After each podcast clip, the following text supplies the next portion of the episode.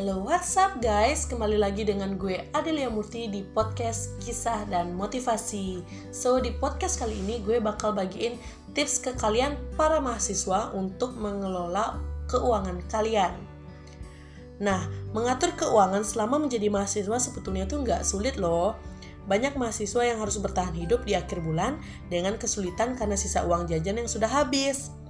Sebetulnya, bagaimana sih mengatur uang jajan yang baik bagi mahasiswa? Yuk, yang penasaran, let's hear it! Nah, bagi mahasiswa yang belum bekerja dan menghasilkan pendapatan sendiri, tentunya uang jajan yang lancar mengalir setiap bulannya sangat diharapkan. Uang jajan ini biasanya diperoleh dari orang tua, keluarga, maupun lembaga beasiswa yang juga menganggarkan uang saku setiap bulan untuk penerimanya. Dengan uang jajan, mahasiswa bisa memenuhi kebutuhannya sehari-hari, seperti keperluan membeli buku atau bahan bacaan, makan, transportasi, dan yang lainnya. Namun, dalam banyak kasus sering kali mengelola uang jajan terkesan begitu rumit, sehingga membuat mahasiswa malas untuk mengatur keuangannya sejak awal. Padahal, kesuksesan finansial di masa depan dapat bergantung pada kebiasaan kita mengatur uang jajan loh. Oleh karena itu, sebagai mahasiswa kita harus mulai pandai dalam mengatur uang agar tidak kesulitan di masa depan setelah lulus dan mendapat gaji dari kantor. Nah, ini dia, gue bakal bagiin tips mengelola uang jajan untuk mahasiswa. Tips yang pertama, catat jumlah pengeluaran sejak awal. Sebelum menentukan apakah uang jajan kamu sudah cukup atau belum, pantau pengeluaran setiap harinya dengan menggunakan aplikasi pencatat keuangan seperti aplikasi Finansialku yang dapat kamu download di Google Play Store. Dengan menggunakan aplikasi ini, kamu bisa memantau ke mana saja uang jajanmu terpakai setiap bulannya. Selalu catat tiap hari dan usahakan untuk menulis angka yang jujur agar tidak ada perbedaan harga di aplikasi dan uang yang tersisa di dompet.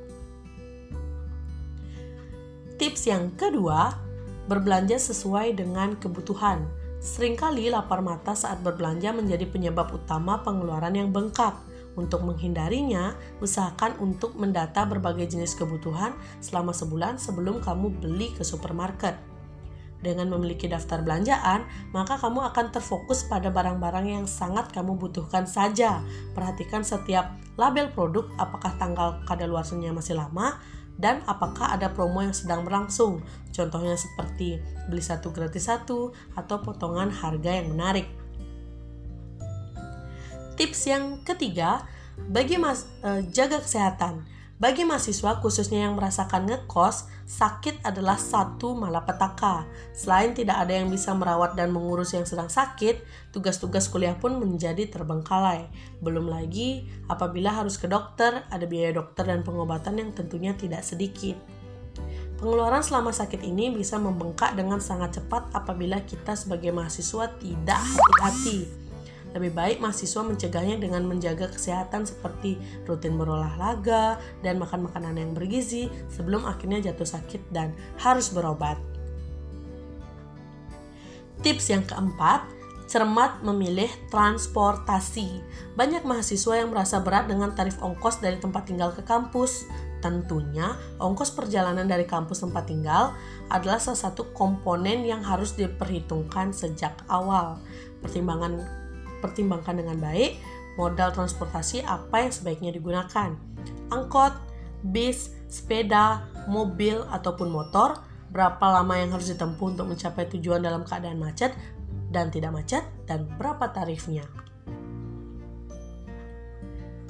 Tips yang kelima, lunasi hutang secepatnya. Nah, bagi kalian yang suka ngutang, itu tuh harus mendengarkan tips ini sebagai mahasiswa, tentu ada hari-hari di mana kamu meminjam uang teman hanya untuk sekedar fotokopi atau membeli makan saat kamu lupa membawa uang ataupun dompet.